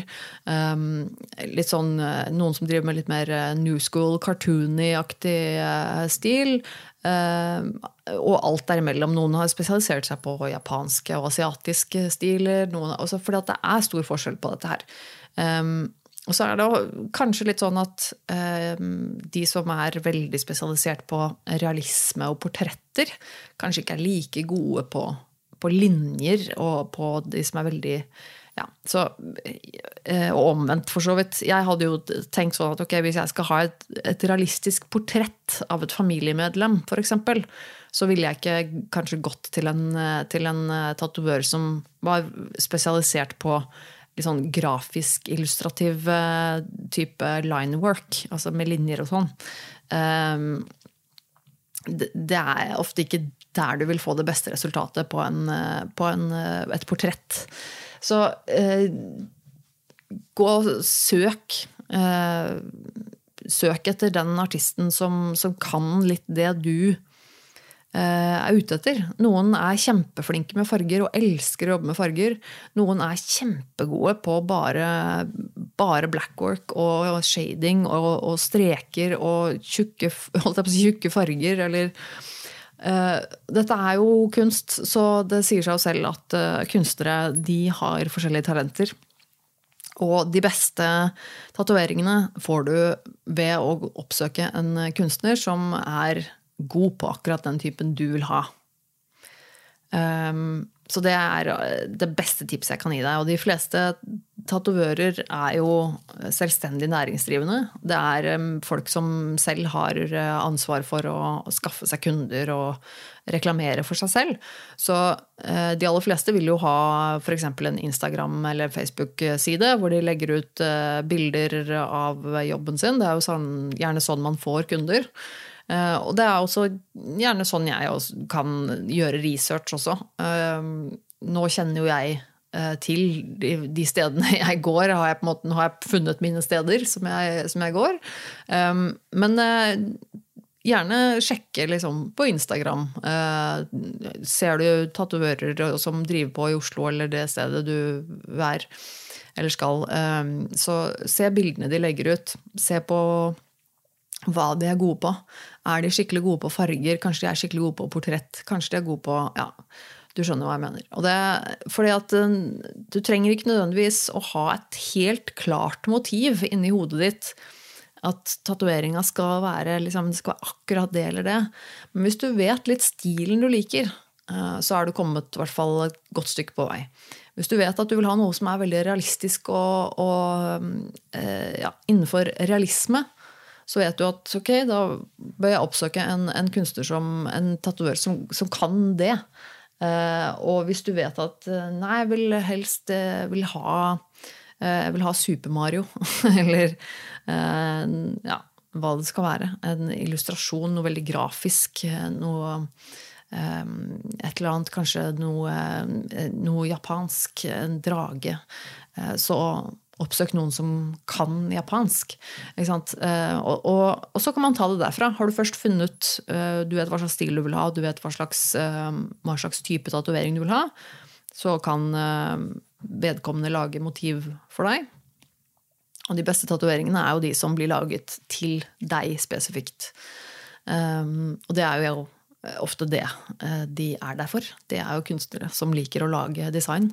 Så det å gå til en kunstner som, som vet hva de driver med på akkurat den typen du vil ha, så um, er det det beste, du kan, beste stedet å begynne. Um, jeg kan gi noen tips når det kommer til klær. Og det er at når du skal tatovere, så husk å kle deg Eh, deretter. Det vil si, eh, tenk litt på hvor tatoveringen skal plasseres, og eh, sørg for at det området er lett tilgjengelig for tatovøren din. Sånn at ja, hvis du skal sitte Hvis du skal tatoveres på beinet, så kanskje det kan være greit å enten ha på seg bukser som du kan dra opp, eller som du enkelt kan ta av deg på det beinet. f.eks. Eller ja, en genser som du lett kan ta av deg. Eller, ja, tenk litt over de tingene der. Også for, i forhold til at du kanskje skal sitte der en stund. At det kan være komfortable klær. Jeg selv liker å ha på meg litt ja, komfortable eh, joggis, holdt jeg på å si, klær. Eh, som jeg kan sitte en stund i uten at det blir trangt eller sånne ting. Um, og så eh, er jeg sånn som fryser. Eh, det er vanlig å, å, fryse eller bli kald når du blir tatovert, for du skal sitte helt stille i ofte lengre tid. Men jeg er som frysepinn i tillegg, så jeg, jeg, fryser veldig veldig lett. Så jeg vet at jeg har, jeg har med meg ullsokker, og jeg har med meg på meg flere lag med klær. Og, og vet at uh, jeg blir kald. Så jeg prøver å, å, kle meg så godt som mulig uh, deretter når jeg skal tatovere meg. Og sørge for at selvfølgelig det stedet er uh, lett å komme til når jeg skal ha meg klærne. selvfølgelig ha på deg rene klær. Skal du tatovere foten, så ta med deg et par rent par med sokker. Uh, og skal du tatovere rumpa di, så vær så snill, ta på deg rent undertøy og ha, deg, ha med deg ekstra undertøy. det, det, er på en måte For meg er jo det ganske logisk, men det, er ikke det for alle. Men, uh, men vær snill, tenk gjennom det. Um, ha på deg rene klær, vær nydusja, liksom et rent hygienisk menneske. Du skal tross alt ha en, en, eh, en tatovør, kunstner, som skal være innpå kroppen din i ganske noen, noen tilfeller, mange timer, være ganske tett på deg. Og det er ganske nasty å ha en kunde som ikke har dusja, eller som lukter surt, eller har sure sokker. Eller, ikke sant? Det er ikke så kult. For verken for deg eller for tatovøren. Så eh, tenk, tenk, litt på det. Ta en, bare ta deg en dusj, liksom. Det kan være greit. Smerte. Ja, tatovering gjør vondt. Og du vil ikke tro hvor mange ganger jeg har fått det spørsmålet. Gjør det vondt? Ja. Svaret er ja. Tatovering gjør vondt. Eh, sånn er det bare. Eh, og det, det, gjør vondt uansett hvor på kroppen du tar tatovering, så gjør det vondt. Men det er veldig, veldig, veldig stor forskjell på folk. Eh, Riktignok er det noen eh, områder på kroppen som er ansett for å gjøre litt mer vondt enn andre. Eh, da vil jeg si eh, eh ribbeina. Eh, håndflaten, eller hånda generelt også. Hodet og føttene er det jeg har hørt er det vondeste. Jeg vil si at det, det jeg har selv erfart, er at det aller, aller vondeste jeg har kjent, det var da jeg tatoverte inni håndflaten min. Um, generelt hendene eller fingrene også er, er, vondt. Det er liksom uh, det er, ikke, ja, det er, det er vondt. Uh, og på, på, siden av ribbeina og litt sånn på siden av magen, uh, det, det kjenner du. Eh, men igjen, det er veldig, veldig forskjellig fra person til person. Jeg kjenner altså noen som, eh, som nesten ikke kjenner smerte. Eh, som på en måte bare er laget sånn at de, den, den, type smerte som det er å bruke nåler og skrape i huden, på en måte, eller sånn det, det, gjør liksom ikke vondt noe særlig. i det hele tatt. Og så er det andre som, som syns alt gjør kjempevondt. og det, det, er, det er egentlig umulig å si på forhånd. Det kan du egentlig ikke vite. Det viktigste er at du må sitte stille. Uansett om det gjør vondt eller ei, eh, så må du sitte stille. Og da er det noe med at eh, selv om du blir tatovert på beinet, så er det, hvis du gjør store armbevegelser, så vil det også kunne merkes på beinet ditt. Så prøv å ha det litt i bakhodet at, eh, at du, ikke du ligger og liksom slenger rundt med telefoner og alt mulig om, når du blir tatovert. Selv om du blir tatovert på beinet, så merkes det gjerne den bevegelsen Eh, du gjør med armene eh, fort i, i, liksom, i tatoveringsbenken eller stolen. Eh, og sånn. Så tenk litt på det. Det kan være ganske frustrerende for en tatovør å jobbe på en person som, som er veldig urolig.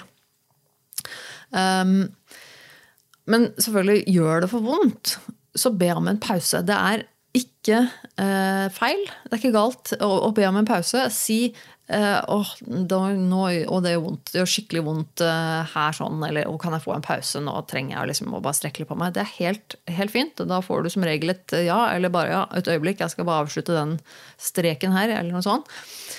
Det er helt innafor. Eh, tatovering gjør vondt. Så de fleste tatoverer har vært borti eh, smerte, for å si det sånn. De har vært borti kunder som har, som har besvimt, og som har tålt det kjempebra og kjempedårlig før. Så det er ikke noe, det er ikke noe å tenke på. Er, be heller om en pause for mye hvis det er, hvis det er for, for vondt. Um, det går også an å kommunisere med liksom, tatovøren og si at oi, det området der, det gjorde skikkelig vondt. Uh, og så vet tatovøren at ok, men da skal jeg prøve å kjappe meg litt, eller tørke litt mer forsiktig, eller eh, ja. Eh, litt sånn. Eh, akkurat der, eller ja. Så snakk med tatovøren din underveis. Blir det for ille, så be om å få en, en annen time. Ta det senere. Si at ok, men i dag er, for, er, jeg for dårlig. I dag takler jeg ikke dette er noe særlig bra. Så kanskje vi skal prøve en annen dag. Det er lov, det òg. Jeg har aldri opplevd det sjøl, at, at, jeg har måttet utsette. Men, men, men det, er, det er lov. Må man, så må man. Um, det er eh, ikke det er, Noen ganger er det bare sånn at kroppen ikke tåler det så godt som man håpet på. Og det, da er det bare sånn. Uh, det er noen som spør om sånne kremer og sprayer og sånn er sånn numne for huden, som skal liksom hjelpe med at det ikke gjør vondt. og det fins. Men det er ikke noe du kan regne med at du kan få. Uh, det er ikke noe du må regne med at ja, ja, men hvis det gjør litt vondt, så kan jeg bare ta på sånn krem. Eh, det, det fungerer uh, veldig forskjellig, de forskjellige preparatene. Uh, det er ikke noe garanti at de funker. Det er ikke garanti at de har det i studio engang. For det er noen studioer sier bare at nei, men så der driver vi ikke med, liksom. Um, Uh, og så er det noe med det at skal du tatovere deg, så må du tåle at det gjør vondt. Det er litt uh, gamet. Uh, du skal tåle den smerten. Den, uh, det er betalinga. Det er halve. Det er halve betalinga. Bortsett fra det du betaler i kroner og øre, så er det liksom det det koster. Det koster å, å tatovere seg uh, i smerte og i penger. det må man på en måte bare være forberedt på å takle. Men eh, jeg har opplevd eh, det, Jeg tror det bare er én gang jeg har eh, brukt sånn eh, nummekrem. Og det var eh, da jeg tatoverte meg på låret. Da jeg tok et eh, portrett av David Attenborough som er min, min, min helt. Jeg har et portrett av han på låret. Et, et, av et bilde av han fra han var i vel 40 år. eller sånt. En kjekk ungkar i dress. Sånn gammelt BBC svart-hvitt bilde. Veldig veldig kult portrett. og det er sånn forholdsvis stort portrett på låret. og siden det er portrett, så er det jo også realisme. Altså det er mye mye, mye skal jeg mye, mye, fylling. Eh, det er mye av området som er fylt inn med blekk, altså i shading, med gråtoner. Um, som gjør at huden blir veldig sår, for du må gå over på en måte steder uh, flere ganger for å liksom få riktig gråtone på riktig sted for at det skal se bra ut. Um, og da husker jeg at vi holdt på noen timer og mot slutten da så gjorde det så vondt at jeg, at jeg begynte å slite litt med å, med holde ut. Uh, og da var det sånn Ok, men jeg vil helst bare uh, at Tatovøren bak. Okay, men jeg, vil helst bare liksom, bli ferdig med den delen her i dag. Så tar vi neste delen her, den tar vi neste gang. Men da tar jeg litt nummekrem på her nå. Og så får vi liksom uh, gønna på den siste biten før vi er ferdig for i dag. bare for å komme oss gjennom det. Uh, og det var, så det, det, gikk greit, men det var Jeg kan, jeg kan si sånn at det, det nummerkremen det er ikke noe digg, det heller. Det er ikke sånn at du liksom bare sånn ah, ja, men da, nå, nå kan jeg bare ligge her og sove, liksom. For den, den, følelsen av at du har sånn nummekrem på, og så at du tatoverer oppå liksom, oppi der igjen, det er en sånn rar, ekkel følelse. For du føler den der følelsen av at du har sånn nummen hud eh, som noen driver og pirker borti, den er ganske ekkel. Um, så eh, nei, jeg, jeg, jeg syns ikke, ikke, det var noe sånn dans på roser heller, akkurat. Um, men da kom jeg i hvert fall igjennom det. Uh, vi, ble, vi, ble, ferdig med session, og da, da, har den served its purpose, vil jeg påstå. Um, men nei, det er litt sånn hvis du skal ha en tatovering, så må du forberede, på, forberede deg på at det gjør vondt. Eh, enkelte steder gjør mer vondt enn andre steder. Men eh, det er jo bare litt sånn generelt sånn at jo lenger du sitter, jo lenger jo er det vondt, på en måte. Det sier seg litt selv. Eh, det er mer slitsomt og mer vondt å sitte i fem timer enn det er å sitte i én time. Det er en større påkjenning på kroppen din. Og ja, altså det, det, det, er, det er verre. Det, sier seg vel kanskje selv. Og så har vi litt sånn aftercare. Um, etterpåpleie. Hva heter det? Pleie? Ja. Um, det er også veldig viktig når du har en, uh, en fersk tatovering. Sørge for at den klarer å lege eh, godt. Det er jo eh, litt forskjellig hva forskjellige studioer og sånn sier at det er bra. Eh, mange studioer har egne, egne eh, sånne eh, kremer. Eh, Tatoveringskremer som de selger, liksom. Som de er sponset av, eller som de, som, som de mener er god. Um, jeg ville generelt bare hørt på tips som du får av tatovørene hvis du er litt usikker, men det går generelt på det at du skal uh, egentlig behandle tatoveringen som det er et sår. Uh, for det er det jo, på en måte. Det er jo et, et sår i huden. Uh, så hold det rent og ute av sola. Um, og så skal du holde det litt fuktig med et tynt lag med, med krem. Uh, egentlig, egentlig, er det så enkelt. Så når tatoveringa er ny, så vaske det litt uh, forsiktig med en, med en, såpe. Ja, faktisk med såpe.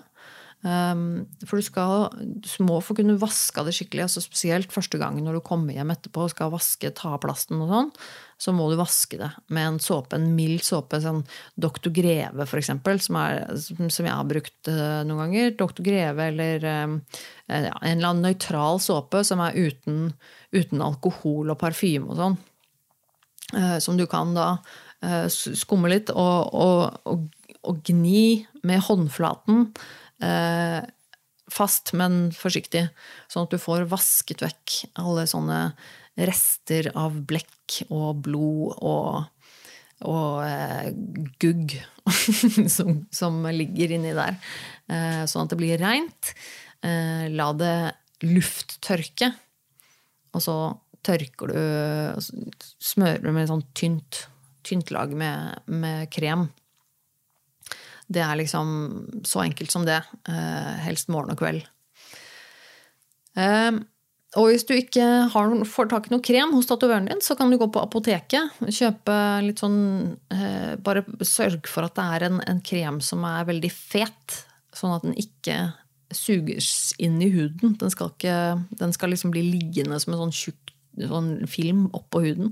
Så jeg, hvis jeg ikke har noe spesiell tatoveringskrem jeg bruker, så bruker jeg Bepanten, som jeg kjøper på apoteket, som er sånn uh, Ja, som er for, for, å smøre inn babyrumper, rett og slett. Den er helt genial til det. Um, og legingen, altså he healing, leging, um, er jo også en viktig prosess av at du skal få en bra tatovering. Ehm, de første ukene, eller kanskje den første uka, er nok kanskje verst. Ehm, da begynner det jo å gro, og det begynner å bli litt sånn skorpe, og det begynner å klø. Og ikke klø. Det er det beste rådet jeg kan gi deg. Ikke klø, selv om det klør skikkelig, og selv om det er noen skorper og noe sånt noe. Bare ikke pell, ikke klø på det. For det er det, det er det dummeste du kan gjøre. Hvis du begynner å, å å klø eller liksom pirke løs de skorpene og sånn, så kan det hende at du pirker løs også blekk fra huden, sånn at du får enten arr i tatoveringen, eller at det blir rett og slett flekkete. At du får områder i tatoveringen som er på en måte mindre blekk i. Og det eh, har du ikke lyst på. Så ikke pell på, eh, på tatoveringa når den gror. La det være. Eh, og prøv å bare smøre veldig forsiktig med en sånn tjukk krem.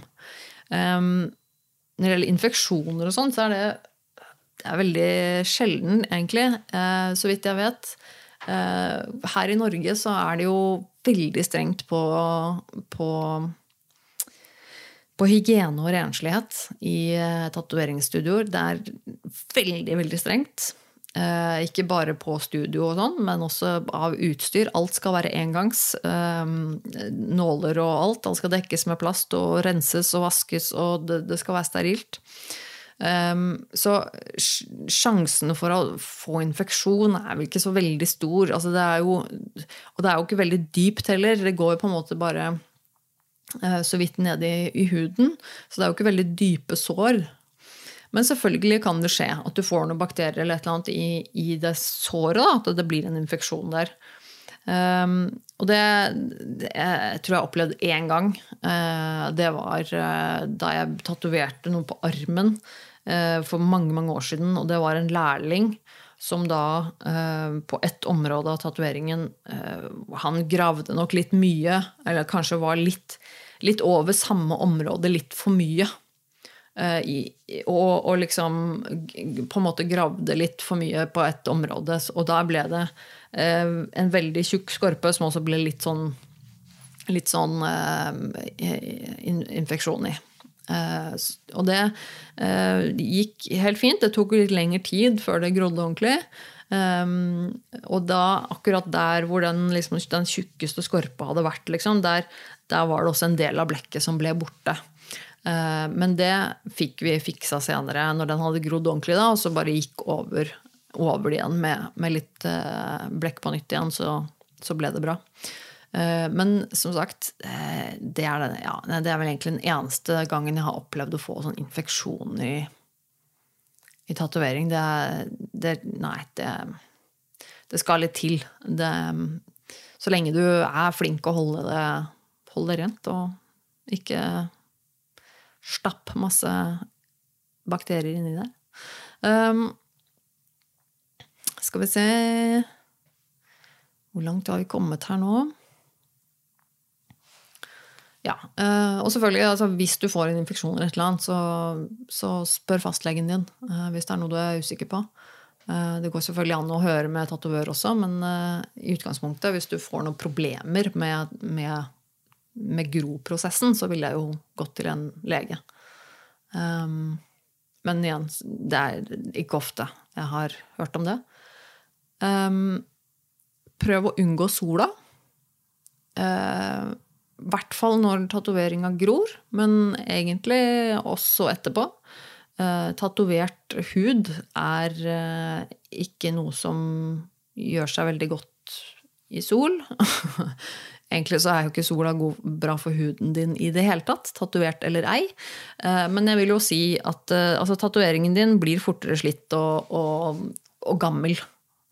Eh, jo mer sol, jo, jo fortere fader og, og blir tatoveringa di gammel. Så prøv å holde, holde deg unna sola der hvor du har tatovert. Eh, det jeg pleier å gjøre på sommeren eh, Jeg, jeg er jo altså, jeg er ikke noe glad i å liksom sole meg og tanne og sånn. Jeg driver ikke med det. Jeg er ikke noe spesielt hypp på å drive og bli, sånn, bli brun og sånn. Um, så jeg ligger liksom ikke i sola og tanner. Men, men, jeg kan liksom ikke unngå å gå ute om sommeren. Det gjør jeg jo. Jeg liker godt å være ute og sånn. Og, og, så det jeg pleier å, å, være veldig nøye på, er å smøre meg inn veldig, veldig høy solfaktor uh, på kroppen. Og det bør man jo gjøre uansett. Eh, men spesielt da jeg som har tatoveringer, jeg pleier å bruke sunblock, eller liksom den høyeste jeg finner, som er liksom solfaktor 50 eller et eller annet, gjerne, eh, og smøre meg inn med det. Eh, så det er et, et godt tips. Siste punkt jeg har, er anger. Hvis du angrer deg, eh, hva gjør du da? Og jeg eh, må si at jeg, jeg har ikke så mye erfaring med det å angre på en tatovering. Eh, som sagt så har det vært en stor lidenskap for meg eh, med tatoveringer. Og jeg visste eh, lenge før eh, Lenge før jeg tok min første tatovering, så visste jeg at jeg kom til å ta mye. Og så har jeg Jeg har nok tatt noen gode valg, vil jeg tro. Eh, jeg har vært nøye. Eh, stort sett alt jeg har gjort av tatoveringer, så har jeg tenkt gjennom nøye hvem jeg vil at skal lage det, og hva det skal være. og sånn. At det skal være en god en bra liksom, piece, da. Um, og, og, ikke gjort noen sånn billige greier i utlandet. ikke gjort, altså De tinga der, da, eh, det har jeg styra langt unna. Um, og um, har oppsøkt flinke kunstnere som har liksom tenkt ut noen kule ideer, og som har vært flinke. Uh, og da, da er det jo mindre sjanse for at du angrer etterpå, selvfølgelig. Um, men uh, det går jo an å um, fikse på ting uh, noen ganger. Hvis du har tatt en tatovering som du ikke er så fornøyd med, det er kanskje noe med den du skulle hatt litt annerledes, noen ganger så går det an å fikse litt på det. Uh, da går det an å ta liksom, kontakt med, med tatoøren og si at du, det var den ene, den liten sånn, sånn og sånn ting ble ikke helt sånn. Går det an å kanskje eh, fikse litt småting eller legge på noe, flere detaljer på noe eller et eller annet eh, småting, så kan det hende det går an å, å fikse det. Um, hvis det er eh, større ting, så er det jo ofte vanskeligere å fikse. Um, hvis du har gammeltatoveringer, så kan det jo være mulig at du kan gjøre en cover-up, som det heter. At du tatoverer nytt motiv rett og slett over det gamle. Um, det er det jo mange som gjør. Har en gammel tatovering et eller annet sted som de gjerne vil bli kvitt, og så lager de noe, noe annet over som er uh, stort og fint. Og det, uh, det kan være en god måte å løse det på. Uh, men cover-ups er ofte vanskelige det å, altså for en tatovør. Det kommer selvfølgelig helt an på hvor stor den er osv. Eh, men hvis du skal ha en cover-up, så vil jeg anbefale deg å søke opp en tatovør som er erfaren, og som har gjort mye cover-ups før. Eh, fordi du har ikke lyst til å ende opp med en cover-up som er dårlig. Eh, for det, det er ikke fint. Når du har en, en ting er at du har et gammelt som du vil covre, men når du ender med en cover-piece som er like dårlig, så da er du ganske fucked. Eh, så vær sikker på at, du, på at det er en, en, en tatover som har gjort coverpieces før. Eh, og som har erfaring, og som, som kan lage et design som, som, ikke ser ut som det er en cover-up. Det er jo litt av poenget at du skal ha Du vil ikke ha en, en cover-up som ser ut som det er en cover-up. Eh, de fleste er vel keen på å ha en fin, et fint motiv som ser ut som det bare er en, fin tatovering, og ikke at det har vært noe annet under der før som du har dekka til. Um, og eventuelt så fins det jo også laserfjerning av tatovering. Det har jeg aldri gjort selv. Jeg har ingen erfaring med det. Um, jeg har hørt at det er veldig vondt. Um, og så tror jeg det er ganske dyrt. Men jeg vet også at det kan, det kan, eh, det kan gi gode resultater. I hvert fall hvis du har um, hvis du har en, en, en, en eldre tatovering som du gjerne vil covre, f.eks., så er det noen ganger det blir anbefalt å lysne den med laser først for å gjøre cover-upen bedre eller enklere. Um, litt usikker på hvordan det er med teknologien nå, med det greiene der, men uh, før i tiden så var det i hvert fall sånn at, uh, at man nesten burde covre det etterpå, etter å ha hatt laser, fordi at du fikk litt sånn arraktig hud og sånn etterpå, som ikke var så pent. Nå tror jeg stort sett at det går an å um, å, å, få ganske fin hud etter å fjerne tatovering, men, men, det er jeg ikke sikker på. Jeg som sagt har ikke noe erfaring. Eh, med laser, så dette vet jeg ikke så mye om. Eh, men det er selvfølgelig eh, en mulighet for de som, som angrer. Jeg vet også at svart blekk er det som går vekk først, som er lettest å fjerne med laser. Fargene går sist. Det er derfor ofte, hvis du har sett sånne piecer som folk laser bort, så er det ofte liksom bare fargene igjen, og liksom outlines og svart og sånn er liksom borte. Så det ser veldig, ofte veldig veldig rar ut mens de holder på å bli tatt, tatt, bort. Og det er også en ting som man kan ha i bakhodet, at hvis man har en stor tatovering som du vil ta laser, eh, laser, på, så er ikke det heller noe som er gjort på et blunk. Det også krever ofte flere sessions. Med smerte og penger. Så tenk deg gjennom eh, et par ganger før du går og tatoverer deg Um, ja, det er kult med tatoveringer, men det er, ikke, det er, ikke, kult å sitte og bli stuck med en tatovering som ikke er kul.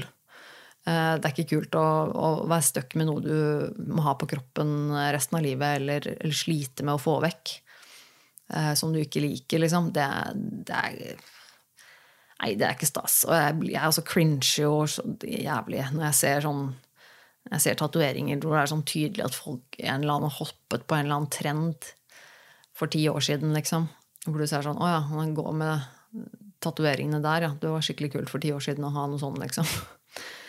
Det Ja. Så eh, prøv å unngå det. Eh, prøv å unngå trender. Um, prøv alltid å gå for kvalitet fremfor pris. Ta heller, Vent litt lenger, spar litt lenger, og få en skikkelig bra pris. Eh, gjør den ekstra researchen. Det lønner seg, altså. Ehm, det er tross alt et kunstverk du skal ha på kroppen resten av livet. Det er verdt å, å, gjøre litt, litt, research på.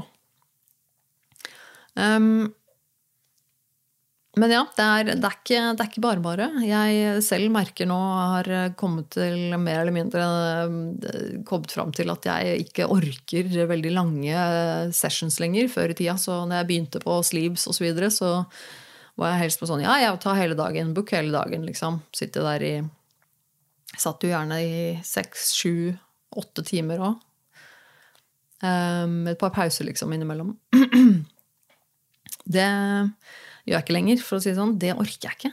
Um, jeg føler kanskje at jeg er blitt litt for gammel for det. Det gjør litt for vondt, men også at jeg jeg blir så stiv i kroppen. Jeg blir rett og slett vondt i kroppen av å sitte i litt sånn rar stilling over lang tid og nei, fryse og det er off, nei. Eh, rett og slett eh, ikke keen på noen sånne lange sessions lenger. Nå pleier jeg som regel å, å booke litt sånn korte sessions, og da mener jeg tre-fire timer, kanskje. Eh, blir det litt sånn korte sessions. Um, eh, og så, så, tror jeg det er noe med at eh, Eh, for de fleste andre eh, som tar en tatovering, de tatoverer seg kanskje ikke så ofte. Eh, jeg har tatovert meg ganske mye. Så for meg så er ikke det å gå inn på et studio og liksom den prosessen der og, og få tatovering, det er ikke liksom Det er ikke noe kick lenger. Det er ikke sånn at jeg får et kick av det. Eh, de fleste andre får litt sånn adrenalin, og det er litt sånn spennende og det er litt vondt. Og, uh, man, man, uh, og det, det, rir man gjerne litt på underveis. Det hjelper, man, det hjelper en gjerne å, å, takle smerte og hele situasjonen også. Det der adrenalinet du får, at du blir litt sånn gira og uh, skummelt og spennende og shit. og og sånn. Eh, men, men, jeg eh, får liksom ikke det lenger. Nå er det å bli tatovert det er blitt så vanlig for meg at jeg, det, er noe, det er ikke noe kick der, det er ikke noe adrenalin der i det hele tatt. Det er glede, selvfølgelig. Så jeg gleder meg jo hver gang. Jeg liker jo å bli tatovert. Men, men, eh, Eller det er ikke sant. Jeg liker jo ikke å bli tatovert. Jeg syns jo ikke det er digg. Det er jo vondt, på en måte. Men det er noe med at nå gjør det på en måte enda mer vondt. For nå føler jeg ingenting av den der adrenalinet, ingenting av den der kicket som hjelper meg å komme gjennom det. Det er ikke der lenger. Nå må jeg bare sitte og kjenne på hver eneste lille krik og krok uten å liksom ha det der kicket innabords. Så jeg blir jo ekstra sliten eh, etterpå også. Eh, det krever, det krever mye av meg eh, å, å sitte de timene og bare ha vondt uten noe adrenalin. Nei, så det Jeg er blitt for gammel til sånne heldags eh, eh, merker jeg. Men denne, denne eh, episoden her, den er blitt fryktelig lang. Jeg ser jo nå at jeg har snakket og snakket og snakket. Og snakket, og det er ikke rart jeg er blitt litt sliten i stemmen da. Så nå skal jeg virkelig avslutte. Men om du har hørt helt hit, om du faktisk har sittet og hørt hele denne episoden her, så må jeg jo bare si tusen hjertelig takk. Det var jo Eh, det var veldig, hyggelig. Um, vil gjerne også høre hva du syns, uh, om du har hørt alt sammen. Uh, syns du det var kult å høre om tatovering? Var det nyttig? Var det spennende? Eller var det helt ubrukelig, kanskje? Uansett, litt ålreit for meg å få noen tilbakemeldinger. Ehm, hvis det er noen som har noen flere spørsmål, eller hvis dere liker at jeg snakker om det her, så kom gjerne med eh, spørsmål om ting gjerne skal si noe mer om, eller et eller annet sånt noe. Eh, for jeg snakker jo gjerne om tatovering. Jeg syns jo det er kjempegøy og spennende. Ehm, og hvis du vil ha noe mer innhold eh, fra meg, så gå gjerne inn på YouTube på kanalen Tone Sabro. Der ligger det en del videoer og, litt sånn info og litt, ja, litt sånn greier. Ehm, men uansett eh, så avrunder jeg nå, og så får vi se om vi ehm, høres igjen om en ukes tid. Jeg skal i hvert fall gjøre mitt beste for å, for å få til det. Eh, I mellomtiden så kan du sende meg en mail hvis du vil det på nervemedtone at gmail.com. Hvis du vil eh, skrive en mail til meg og eh, fortelle noe morsomt eller ikke. Eh, bare jeg som leser mailen, by the way, bare så du vet det. Eller så kan du kontakte meg i sosiale medier. Eh, søker du på Tone Sabro, så finner du meg. Eh, nerve eh, med Tone finner du også. Eh, ja, i det hele tatt. takk for at du hørte på. jeg setter stor pris på det. Nå avslutter jeg. Ha det bra.